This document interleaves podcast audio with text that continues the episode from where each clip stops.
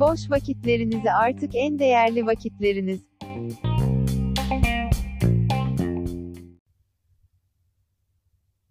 Sir Arthur Conan Doyle Sherlock Holmes Bohemya'da skandal Sherlock Holmes'e göre o, o kadındı.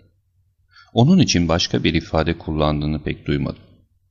Holmes'un gözünde cinsiyetinin bütün özelliklerini gösteren tam bir kadındı. Holmes'un Irene Adler'e karşı hissettiği kesinlikle sevgi değildi. Bütün duygular, özellikle de bu, onun soğuk, mükemmelliyetçi ama hayranlık uyandıracak kadar dengeli zihnine çok uzaktı. Bana göre o, dünyanın gördüğü en mükemmel akıl ve gözlem makinasıydı. Fakat bir aşık olarak pek başarılı olamayacağı da bir gerçekti. Tutkulardan hep alayla bahsederdi. Bir gözlemci için bu duygular, insanın amaçlarının ve eylemlerinin ardında yatan gerçeği gösteren belirtilerden başka bir şey değildi. Ama deneyimli bir akılcı, böylesine tehlikeli duyguların hassas ve dengeli doğasına girmesi için izin verse, bunlar vardığı mantıksal sonuçlara gölge düşürebilecek saptırıcı faktörler haline gelirdi. Hassas bir aletin üzerinde bir toz zerresi veya güçlü bir mercekte bir çatlak neyse, onunki gibi bir doğaya sahip bir insan için güçlü tutkular da oydu. Ama her şeye rağmen onun için sadece bir kadın vardı. Anısı şüphe ve sorularla dolu Irene Adler. Son zamanlarda Holmes'u çok az görüyordum. Evliliğim dolayısıyla bir süredir görüşemiyorduk.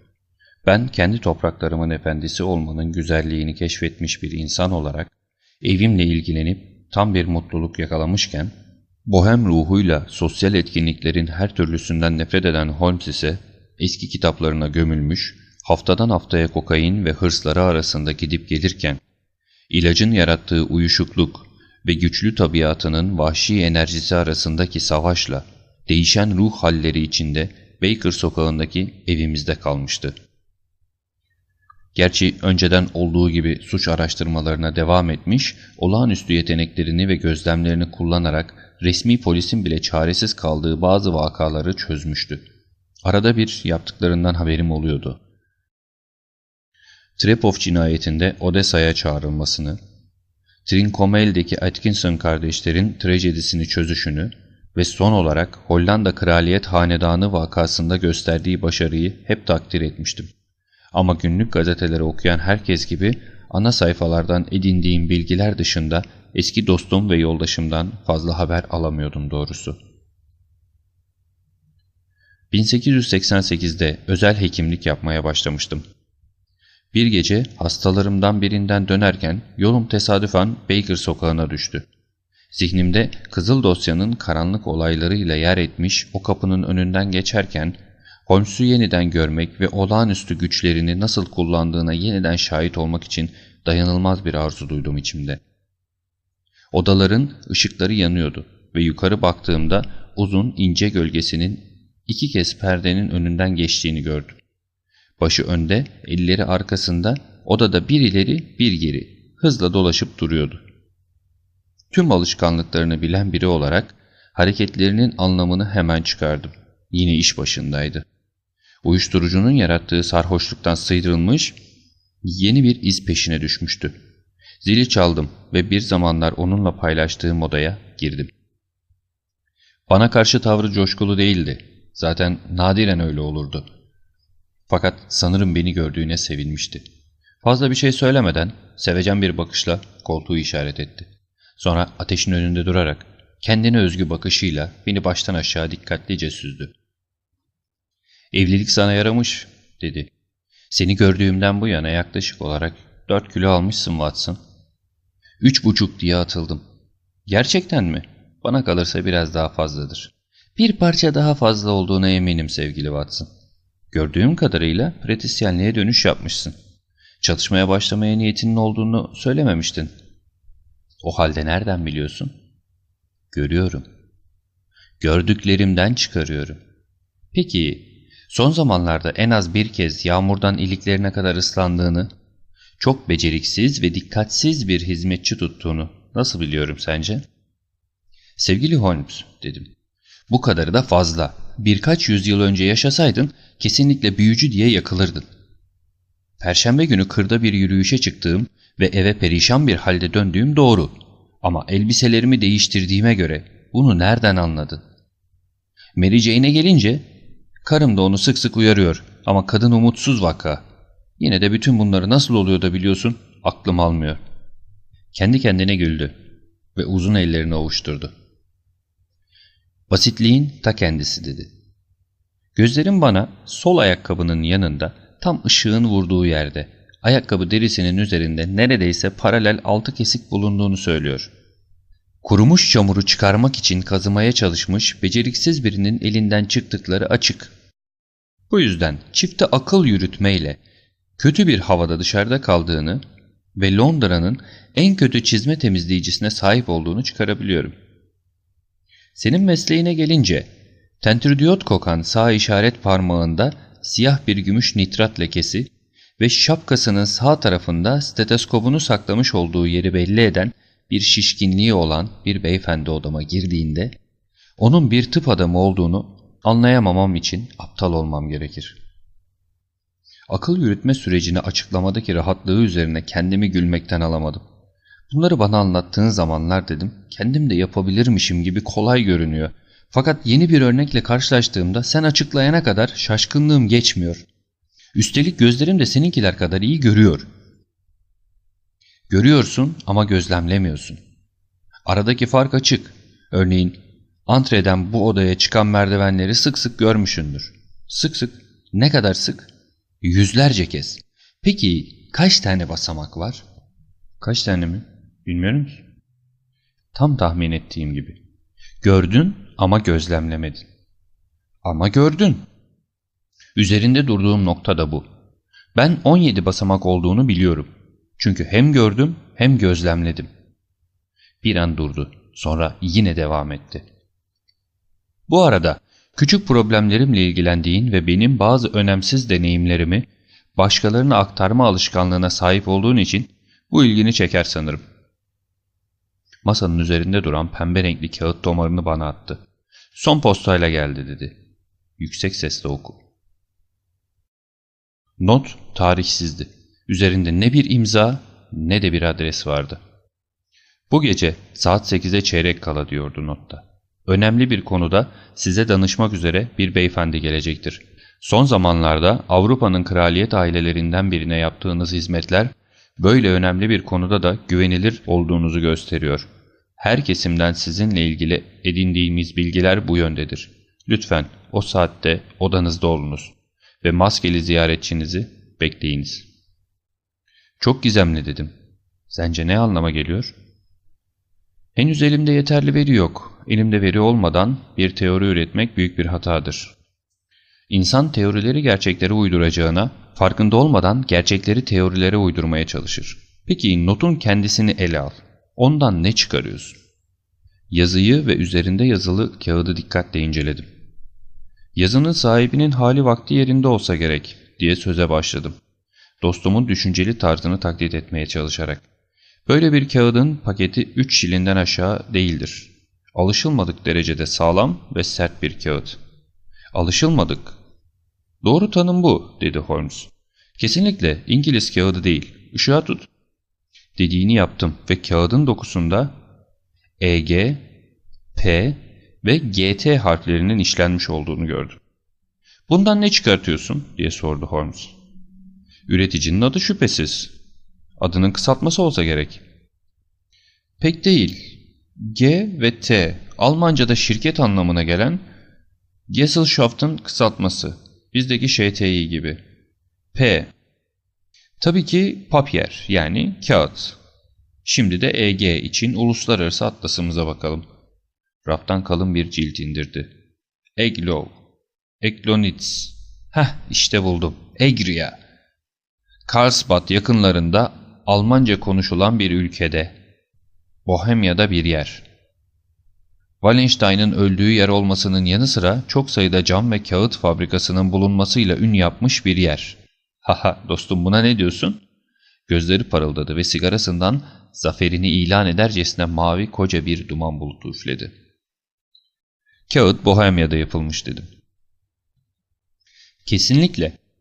Ve notu yazan adam bir Alman. Garip cümle yapısını fark ettin mi? Her kesimden sizinle ilgili edindiğimiz bilgiler. Bir Fransız ya da Rus bunu bu şekilde yazmazdı. Sadece Almanlar fiillere böyle kaba yaklaşır. O halde yapılacak tek bir şey kalıyor.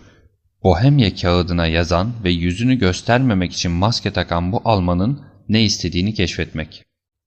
Yanılmıyorsam kendisi bütün şüphelerimizi gidermek üzere şu an buraya geliyor.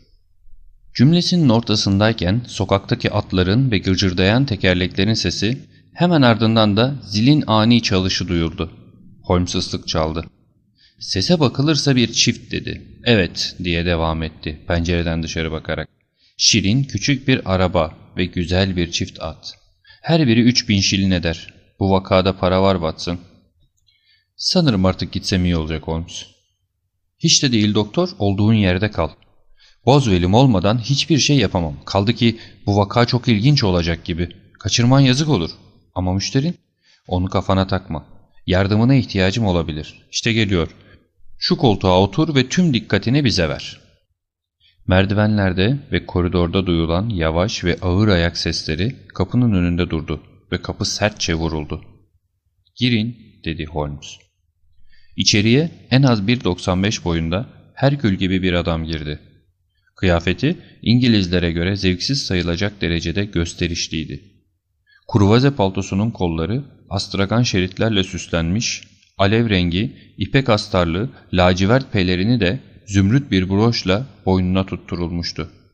Baldırlarına kadar çıkan çizmelerini süsleyen kahverengi kürk, giysileriyle uyandırdığı barbar zenginliği tamamlıyordu.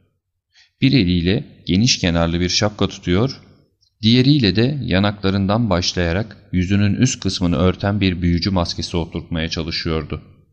Yüzünün görünen alt kısmından güçlü bir karaktere sahip olduğu anlaşılıyordu. İnatçılık derecesine varan bir kararlılığı gösteren kalın, sarkık bir dudak ve uzun, düz bir çene. ''Notumu aldınız mı?'' diye sordu kalın, sert bir ses ve belirgin bir Alman aksanıyla. ''Size geleceğimi söylemiştim.'' Kime hitap edeceğine karar verememiş gibi bir bana bir Holmes'e baktı. ''Lütfen oturun.'' dedi Holmes. ''Sizi dostum ve meslektaşım Doktor Watson'la tanıştırayım. Kendisi vakalarımda bana yardım eder. Kiminle konuşma şerefine erişmiş olduğumu öğrenebilir miyim acaba? Bana Kont von Kram diyebilirsiniz. Bohemyalı asillerdenim. Dostunuz beyefendinin böyle önemli bir meselede güvenilir olduğunu umuyorum. Aksi takdirde sizinle yalnız görüşmeyi tercih ederim. Gitmek üzere kalktım fakat Holmes beni bileğimden yakalayarak sandalyeye geri itti. İkimizi de kabul etmediğiniz takdirde ben de olmayacağım, dedi Holmes. Bana söyleyeceğiniz her şeyi bu beyefendinin önünde de söyleyebilirsiniz. Kont geniş omuzlarını silkti. O halde başlayayım, dedi. Fakat öncelikle ikinizden de iki yıl kesin gizlilik şartı koştuğumu hatırlatmalıyım. Bu sürenin sonunda önem kalmayacaktır. Ama şu an için Avrupa tarihini etkileyecek bir olay olduğunu söylersem abartmış olmam. Bu konuda bana güvenebilirsiniz, dedi Holmes. Bana da, diye ekledim. Bu maskeyi mazur göreceksiniz, diye devam etti garip ziyaretçimiz. Beni görevlendiren kişi tanınmamı istemiyor. Ve şunu da itiraf etmeliyim ki kendimi size tanıtırken kullandığım ünvan gerçekte bana ait değil. Bunun farkındaydım, dedi Holmes kayıtsızca. Şartlar çok hassas ve Avrupa'nın kraliyet hanedanlarından birini ciddi durumlara düşürecek bir skandalın patlak vermemesi için her türlü önlemin alınması gerekiyor. Açıkça söylemek gerekirse bu mesele Bohemya hanedanıyla Büyük Ormstein sarayıyla ilgilidir. Bunu da biliyordum diye homurdandı Holmes. Koltuğuna yerleşip gözlerini kapatmıştı.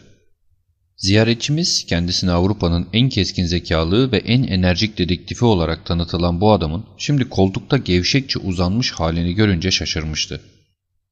Holmes gözlerini yavaşça açarak iri yarı müşterisine sabırsızca baktı.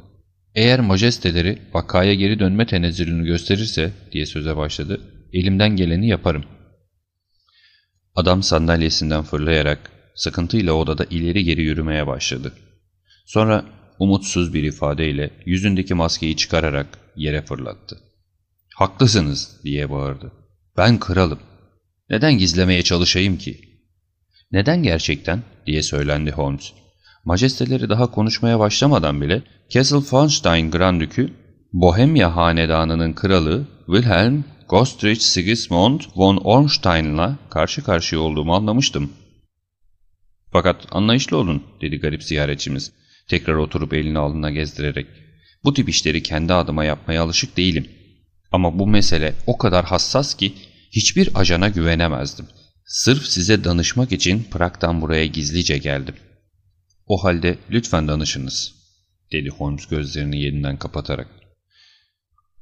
Gerçekler tam olarak şöyle. Beş yıl kadar önce Varşova'ya yaptığım uzun bir gezide ünlü maceraperest Iron Adler'le tanıştım. İsim herhalde size tanıdık gelmiştir. Lütfen Firistime bakar mısın doktor? dedi Holmes gözlerini açmadan. İnsanlar ve eşyalarla ilgili yıllardır uyguladığı bilgi depolama sistemi sayesinde bir konu ya da insan hakkındaki bilgiye hızla ulaşabiliyordu. Kısa bir süre içinde bir Yahudi hahamın bilgileriyle derin deniz balıkçılığı üzerine bir yazısı bulunan bir kurmay binbaşının bilgileri arasındaki maddede aradığım kadının biyografisini buldum. Bir bakalım dedi Holmes. Hmm. 1858'de New Jersey'de doğmuş. Contralto La Scala. Hmm. Varşova Kraliyet Operası'nda primadonna. Evet. Opera sahnelerinden emekli. Aha. Londra'da yaşıyor. Kesinlikle. Anladığım kadarıyla majesteleri bu genç kadınla ilişkiye girmiş. Ona bazı tehlikeli mektuplar göndermiş ve şimdi de o mektupları geri alma arzusunda. Tamamen doğru. Fakat siz nasıl... Gizli bir evlilik oldu mu? Hayır. Herhangi bir resmi belge veya sertifika? Hayır. O halde majestelerini anlamakta zorlanıyorum. Eğer bu genç insan mektuplarını şantaj veya başka amaçlar için kullanacaksa orijinal olduklarını nasıl ispat edebilir? Üstünde el yazım var. Taklit edilmiş olabilir. Ama benim özel not kağıdım. Çalınmıştır. Kendi mührüm. Kalıbı çıkarılmıştır. Ya fotoğrafım? Satın alınmıştır. Peki ikimizin birlikte fotoğrafıysa? Aman tanrım bu çok kötü işte. Majesteleri gerçekten düşüncesizce davranmış. Deliydim, çıldırmıştım.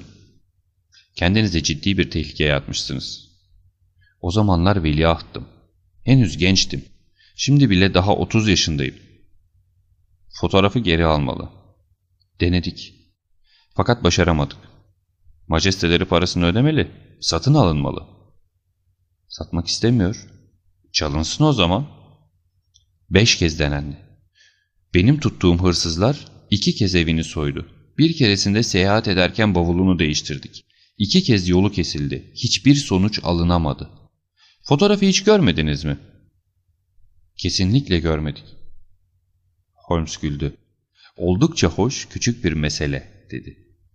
Fakat benim için çok önemli, diye karşılık verdi kral sitemle.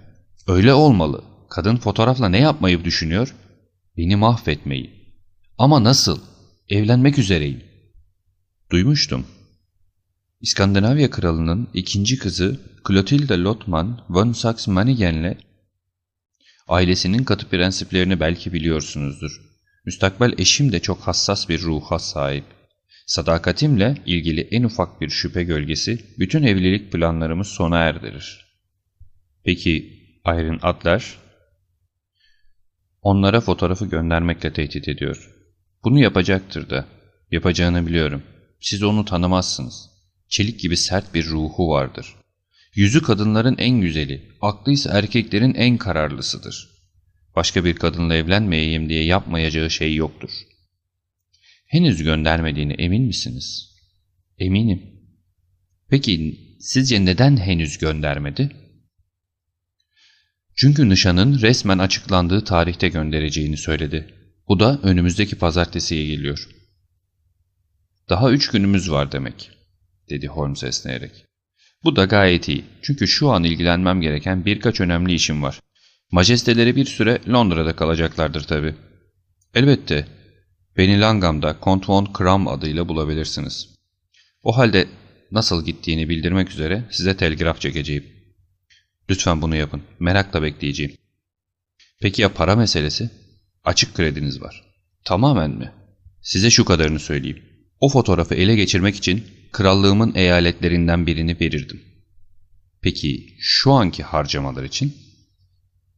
Kral, pelerinin altında ağır, deri bir çanta çıkararak masanın üzerine koydu. 300 altın ve 700 banknot var, dedi. Holmes, defterinin sayfasına bir makbuz yazarak ona uzattı. Matmazel'in adresi, diye sordu. Brioni Köşkü, Serpentin Caddesi, City John Korusu. Holmes not aldı. Son bir soru daha dedi. Fotoğraf büyük boy mu? Evet. O halde iyi geceler majesteleri. Size yakında iyi haberler getireceğime inanıyorum. Kraliyet arabası sokakta giderken bana dönerek ''Sana da iyi geceler Watson'' dedi. ''Eğer yarın öğlenden sonra saat 3'te bana uğrarsan bu küçük mesele hakkında seninle sohbet edebiliriz.'' Ertesi gün tam 3'te Baker sokağındaydım. Fakat Holmes henüz dönmemişti. Ev sahibi sabah saat 8'e birkaç dakika geçe çıkmış olduğunu söyledi. Ne kadar sürerse sürsün, beklemeye karar vererek ateşin yanına oturdum. Bu araştırma çok ilgimi çekmişti. Gerçi daha önceden anlattığım iki hikayedeki garip ve karanlık özellikleri yoktu ama meselenin doğası ve müşterinin yüksek konumu dolayısıyla bu hikayenin kendine özgü bir yapısı vardı. Yapılan araştırmalardan çok, dostumun olaylara hakimiyeti, keskin akıl yürütüşü, çalışma sistemi ve en karmaşık gizemleri hızlı ve mükemmel yöntemleriyle çözüşüydü beni çeken. Değişmez başarısına o kadar alışmıştım ki, başarısızlık ihtimali aklımdan bile geçmiyordu.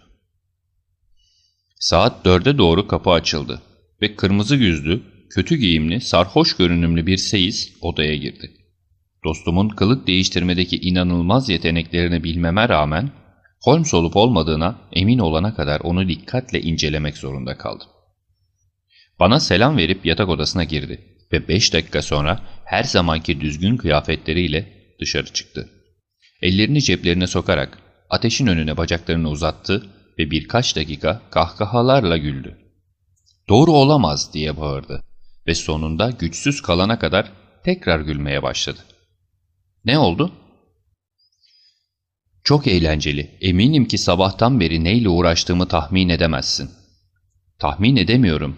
Sanırım Bayan Iron Adler'in alışkanlıklarını, kim bilir belki de evini gözetledin. Hemen hemen ama süreç oldukça garipti. Sana anlatacağım zaten. Bu sabah saat 8'de işten çıkmış bir seyis kılığında evden ayrıldım. Seyislere her zaman sempati duyulur. Onlardan biri olursan bilinmesi gereken her şeyi öğrenirsin. Brioni köşkünü hemen buldum. Arkasında bahçesi olan, önü sokağa bakan iki katlı şirin bir villaydı. Kapısında büyük bir kilit vardı. Evin sağ tarafındaki oturma odasının neredeyse yere kadar inen uzun pencerelerinin kilitleri ise bir çocuğun bile kolaylıkla açabileceği cinstendi. Arkadan yandaki fayton durağının çatısından evin koridoruna ulaşılabiliyordu. Başka da kayda değer bir şey görünmüyordu. Çevresinde dolaşarak her açıdan inceledim. Fakat özellikle ilginç olan bir şey gözüme çarpmadı. Sonra sokaktan aşağı yürürken bahçenin bir duvarının başka bir sokağa baktığını fark ettim. Atları kaşağılamada seyislere yardım etmem karşılığında bir miktar para, bir bardak içki, iki sarımlık sert tütün ve Bayan Adler hakkında bana yetecek kadar bilgi aldım. Tabii bu arada çevrede oturan ve hiç ilgimi çekmeyen diğer insanların hayat hikayelerini de dinlemek zorunda kaldım. Peki Iron Adler hakkında ne öğrendin diye sordum. Bu konuda bütün adamlar yelkenleri suya indirdi. O bu gezegen üzerindeki en sevimli yaratıkmış. Adamlardan biri böyle diyordu. Sakin bir hayatı varmış. Konserlerde şarkı söyler, her gün saat 5'te dışarı çıkar ve tam 7'de akşam yemeği için geri dönermiş. Şarkı söylemeyeceği zamanlar nadiren dışarı çıkarmış. Tek bir ziyaretçisi varmış, bir erkek. Esmer, yakışıklı ve gösterişli bir adam. Günde en az bir kere gelirmiş. Çoğu zaman iki kere. Adliyeden Bay Godfrey Norton diye biri. Faytoncularla dostluk kurmanın yararlarını gör işte. Adamı birçok kez buradan, Serfentin sokağından eve götürmüşler ve onun hakkında her şeyi biliyorlar. Anlattıklarını dinledikten sonra Brioni Köşkü'nün önünde son bir tur daha atarak uygulayacağım planı düşündüm. Bu Godfrey Norton'un meselede önemli bir rolü olduğu açıktı. Avukat olduğunu söylüyorlardı. Bu bana ilginç geldi. Aralarındaki ilişki ve sık sık yaptığı ziyaretlerin amacı neydi? Bayan onun müşterisi mi, dostu mu yoksa metresi miydi? Eğer ilki ise fotoğrafı ona emanet etmiş olmalıydı. Eğer değilse bunun olma ihtimali azdı. Bu sorunun cevabı araştırmamı bir Yoni Köşkü'nde mi yoksa adamın izini bulmak için adliyede mi sürdürmem gerektiği konusunda belirleyici olacaktı. Önemli bir noktadaydım ve bu da araştırma alanımı genişletiyordu. Korkarım seni bu ayrıntılarla sıktım fakat durumu anlaman için küçük sorunlarımı sana anlatmam çok önemliydi. Seni dikkatle dinliyorum diye cevap verdim. Tam da bu meseleyi zihnimde tartıyordum ki Biryoni köşküne bir fayton geldi ve içinden bir beyefendi çıktı. Kartal burunlu, bıyıklı, esmer ve yakışıklı bir adamdı. Belli ki bahsettikleri adam buydu. Acelesi varmış gibi görünüyordu. Faytoncuya beklemesini söyledi ve sanki kendi evine girmiş gibi ona kapıyı açan hizmetçinin yanından hızla içeri girdi. Eve gireli yarım saat olmuştu ve ben oturma odasının penceresinden adamın odada yürüyüşünü, heyecanlı bir şekilde konuşmasını ve elini kolunu sallayışını görebiliyordum. Kadını görmedim. Sonunda adam öncekinden de aceleci bir şekilde dışarı çıktı. Faytona binerken cebinden altın saatini çıkarıp baktı. Çılgınlar gibi sür diye bağırdı. Önce Regent sokağında Grand St. Henki'ye, sonra da Edgware yolundaki St. Monica Kilisesi'ne. 20 dakikada gidersen 10 şilin alırsın. Gözden uzaklaştılar. Onları takip etsem mi diye düşünürken yolun yukarısından ceketinin düğmeleri çözülmüş, kravatı kulağının arkasına düşmüş sürücüsüyle küçük bir fayton çıka geldi. Evin önünde daha durmamıştı ki kadın kapıdan fırlayarak faytonun içine daldı. Onu çok kısa bir an gördüm ama bir erkeğin uğrunda ölebileceği kadar güzel bir kadın olduğunu söyleyebilirim. City Monica Kilisesi'ne John diye bağırdı. 20 dakikada gidersen bir altın alırsın. Bu fırsat kaçınılmazdı Watson. Ne yapacağımı düşünürken bir fayton geldi. Faytoncu paspal görünümme şöyle bir baktı. Fakat ben itiraz etmesine izin vermeden faytona atladım. City Monica Kilisesi dedim. Ve 20 dakikada gidersen bir altın alırsın. Saat 12'ye 25 vardı. Ve ufukta beni neyin beklediği az çok belli olmuştu. Fayton adeta uçuyordu. Hiç bu kadar hızlı gittiğimi hatırlamıyorum. Ama diğerleri bizden öndeydi ve kiliseye vardığımda onların faytonlarının da kapının önünde olduğunu gördüm. Arabacıya parasını vererek kiliseye daldım. İçeride takip ettiğim iki kişi ve beyaz cübbeli bir papaz dışında kimse yoktu. Üçü de mihrabın önünde duruyordu. Ve kiliseye gelmiş herhangi biri gibi yan koridorda bir sıraya oturdum. Birden mihraptakiler yüzlerini bana doğru çevirdiler. Ve Godfrey Norton tüm hızıyla bana doğru koşmaya başladı. ''Tanrı'ya şükür!'' diye bağırdı.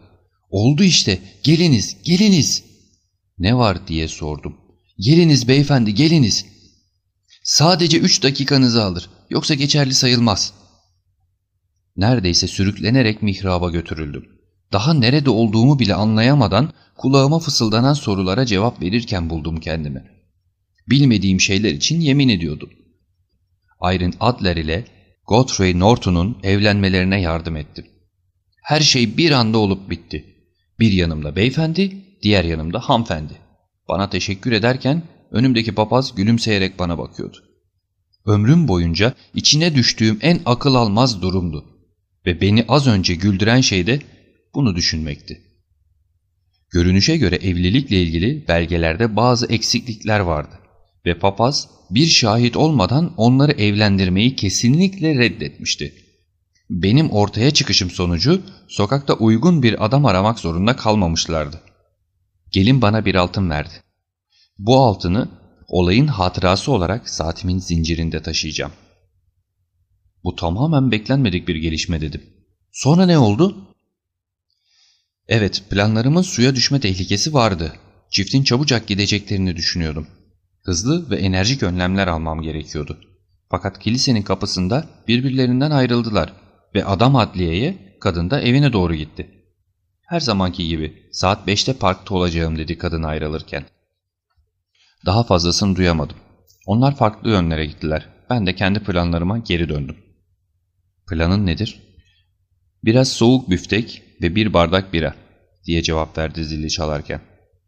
Yemek düşünemeyecek kadar meşguldüm ve görünüşe göre bu akşam daha da meşgul olacağım. Bu arada doktor, yardımını isteyeceğim. Memnuniyetle. Kanunlara karşı gelmek seni rahatsız eder mi? Hiç önemli değil. Peki tutuklanma tehlikesi? İyi bir sebebi varsa o da önemli değil. Sebebi mükemmel. O halde emrindeyim. Sana güvenebileceğimi biliyordum. Peki istediğin nedir? Bayan Turner tepsiyi getirdiğinde sana her şeyi açıklayacağım. Tepsi geldi. Şimdi dedi ev sahibinin getirdiklerine eğilerek. Bunu yerken konuşmalıyız. Çünkü fazla zamanımız yok. Saat neredeyse beş olmuş. İki saate kadar olay yerinde olmalıyız. Matmazel Iron, daha doğrusu Madam, saat 7'de gezintisinden dönmüş olur. Onunla buluşmak için Brioni Köşkü'nde olmamız gerekiyor. Peki sonra? Gerisini bana bırak. Ben olacakları zaten ayarladım. Önemli tek bir nokta var. Ne olursa olsun olaylara karışmaman gerekiyor. Anlıyor musun? Tarafsız mı olmam gerekiyor? Muhtemelen bazı küçük tatsızlıklar olacaktır. Sen müdahale etme. Tartışmanın sonunda beni eve sokacaklar. 4-5 dakika sonra oturma odasının penceresi açılacak. Sen bu açık pencerenin yakınında bulunmalısın. Tamam. Beni izleyeceksin. Çünkü senin görebileceğin bir konumda olacağım. Tamam. Elimi kaldırdığımda, aynen şöyle, sana fırlatman için vereceğim bir şeyi odanın içine fırlatacaksın. Ve hemen yangın diye bağırmaya başlayacaksın. Takip edebiliyor musun? Kesinlikle. Korkulacak bir şey değil dedi cebinden pro şeklinde sarılmış bir nesne çıkartarak. Tesisatçıların kullandığı duman fişeklerinden. Her iki ucundaki başlıklar kendi kendine yanmasını sağlar. Senin görevin bu kadar. Sen bağırmaya başladığında birçok insan koşup gelecektir. O zaman sokağın sonuna doğru yürürsün ve ben de 10 dakika içinde sana katılırım. Yeterince açık mı? Ben müdahale etmeyeceğim. Pencerenin yakınında bulunacağım. Seni izleyeceğim. İşaretinle birlikte bu nesneyi fırlatacağım. Yangın diye bağıracağım ve sonrasında seni sokağın köşesinde bekleyeceğim. Tam olarak böyle. O halde bana güvenebilirsin. Mükemmel. Sanırım artık oynayacağım yeni role hazırlanmanın zamanı geldi.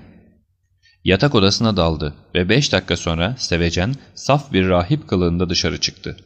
Geniş siyah şapkası, bol pantolonu, beyaz boyun bağı, sempatik gülümseyişi ve genel olarak iyiliksever ve meraklı bakışlarıyla tam olarak rolüne bürünmüştü. Holmes sadece kıyafetlerini değiştirmiş değildi. İfadesi, tavrı ve hatta ruhu bile benimsediği role uymuştu. Bir dedektif olmaya karar verdiği için sahneler iyi bir aktör, bilim ise bir akılcı kaybetmişti. Baker sokağından çıktığımızda saat 6'yı çeyrek geçiyordu. Serpantin Caddesi'ne vardığımızda 10 dakikamız daha vardı. Ortalık çoktan kararmıştı. Sahibinin gelmesini beklerken Brioni Köşkü'nün önünde bir ileri bir geri yürüdük. Sokak lambaları yakılmaya başlamıştı. Ev, Sherlock Holmes'un tarifinden aklımda kaldığı gibiydi. Fakat çevre beklediğimden daha hareketliydi. Bir grup paspal kıyafetli adam bir köşede sigara içip gülüyor, bir bileyici çarkını döndürüyor, iki muhafız bir hemşireyle kırıştırıyor ve iyi giyimli birkaç genç adam ağızlarında proları sokağı arşınlıyorlardı. Anlıyorsun ya diye söze girdi Holmes evin önünde yürürken. Bu evlilik her şeyi açıklıyor. Fotoğraf artık çift uçlu bir silah haline geldi. Müşterimiz nasıl prensin görmesini istemiyorsa, Bayan Adler de Bay Geoffrey Norton'un görmesini istemeyecektir. Şimdi sorun şu, fotoğrafı nerede bulabiliriz? Nerede hakikaten? Yanında taşıyor olması mümkün değil. Çünkü fotoğraf büyük boy. Bir kadının kıyafetleriyle saklayamayacağı kadar büyük. Kaldı ki kralın yolunu kestirip üzerine aratabileceğini biliyor. Buna benzer iki deneme yapılmış. O halde yanında taşımadığını kabul edebiliriz. Nerede öyleyse? Bakıcısında veya avukatında. Böyle bir çifte ihtimal var. Ama her ikisinde de değil diye düşünüyorum. Kadınlar gizliliğe önem verirler ve kendi sırlarını kendileri saklarlar. Niye bir başkasına teslim etsin ki? Bu konuda en çok kendine güvenebilir çünkü durumu başka kimseye açıklayamaz. Ayrıca birkaç gün içinde kullanmaya kararlı olduğunu unutma. Elinin altında bir yerde olmalı. Yani evinde olmalı. Ama ev iki kez soyulmuş. Hadi canım, nereye bakacaklarını bilememişler. Peki sen nereye bakacaksın? Ben bakmayacağım. Ne yapacaksın o zaman? Onun göstermesini sağlayacağım. Ama kabul etmeyecektir. Kabul etmemesi gibi bir şey olmayacak. Tekerleklerin sesini duyuyorum. Bu onun arabası. Şimdi iş başına. Talimatlarımı harfiyen uygula. Bunları söylerken caddenin köşesinden bir arabanın yan ışıkları göründü. Körüklü küçük bir fayton, Biryoni köşkünün önünde durdu.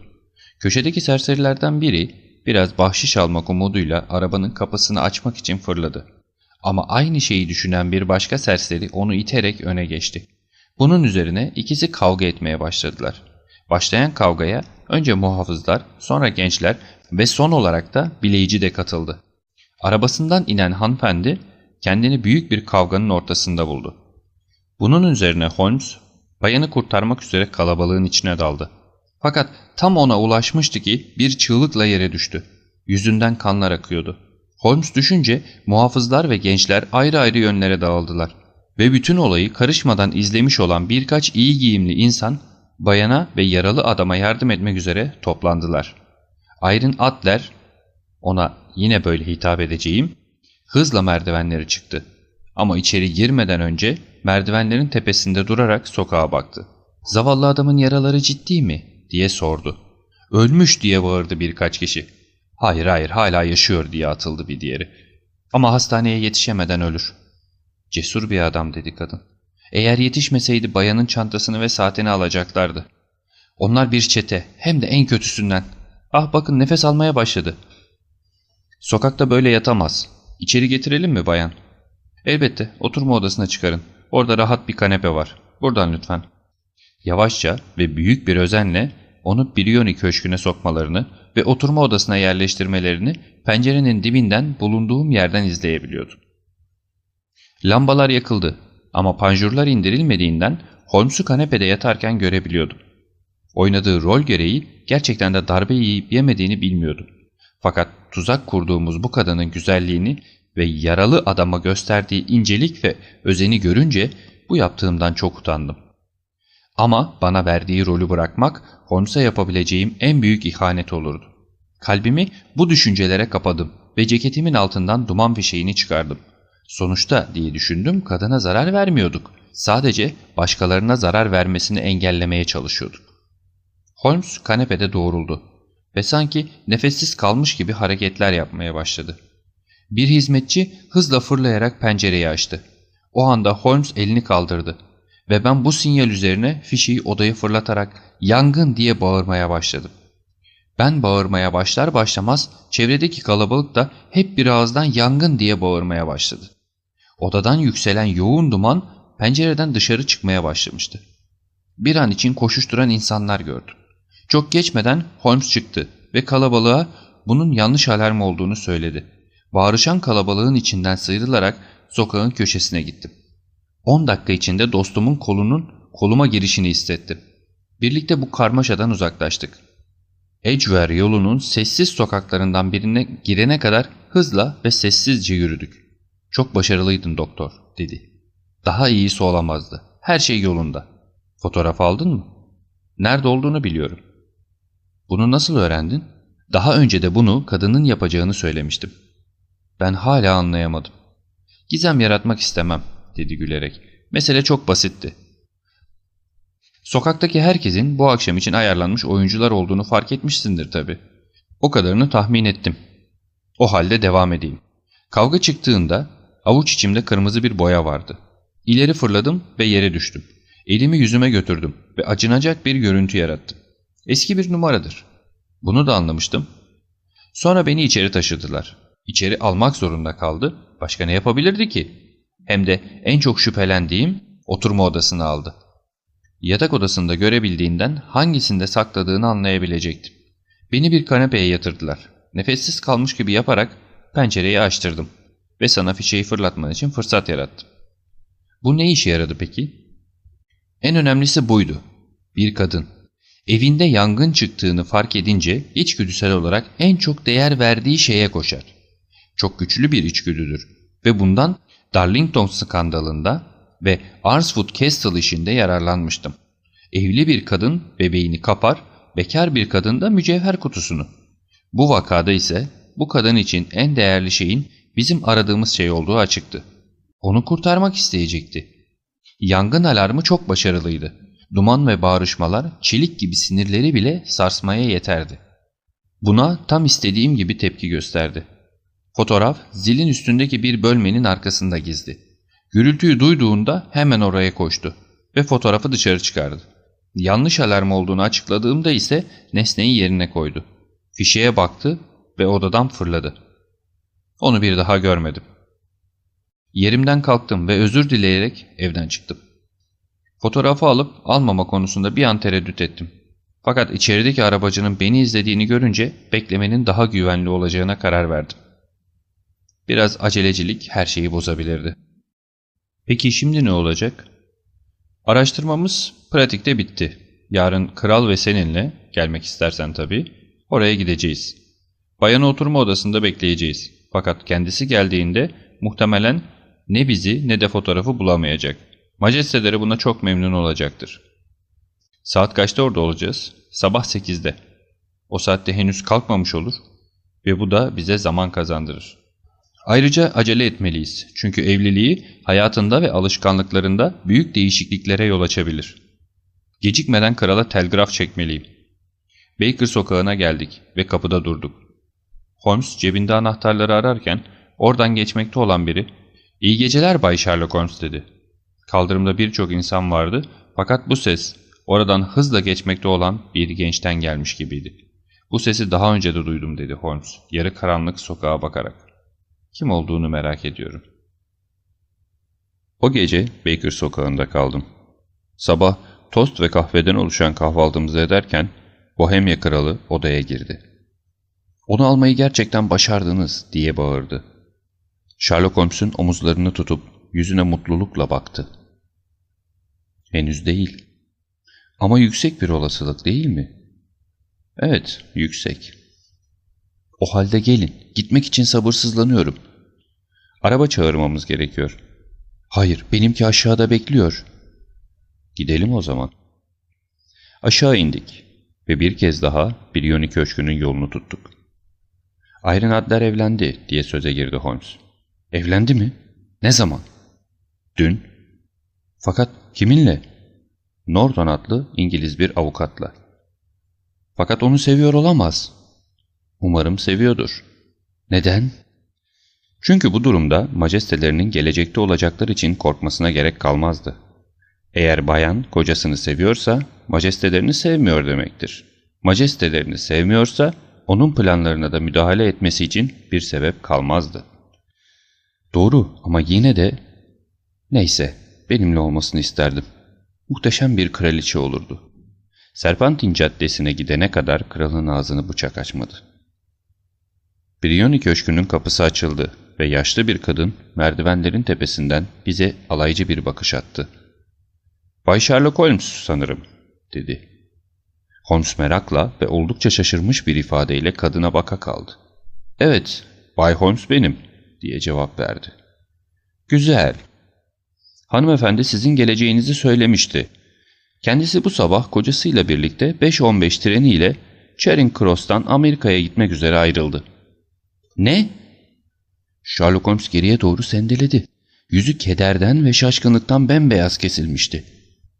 İngiltere'den ayrıldılar mı yani? Bir daha dönmemek üzere. Peki ya belgeler? diye sordu kral sertçe. Kaybettik. Göreceğiz. Holmes hizmetçiyi iterek oturma odasına daldı. Kral ve ben de peşinden. O da darmadağınıktı.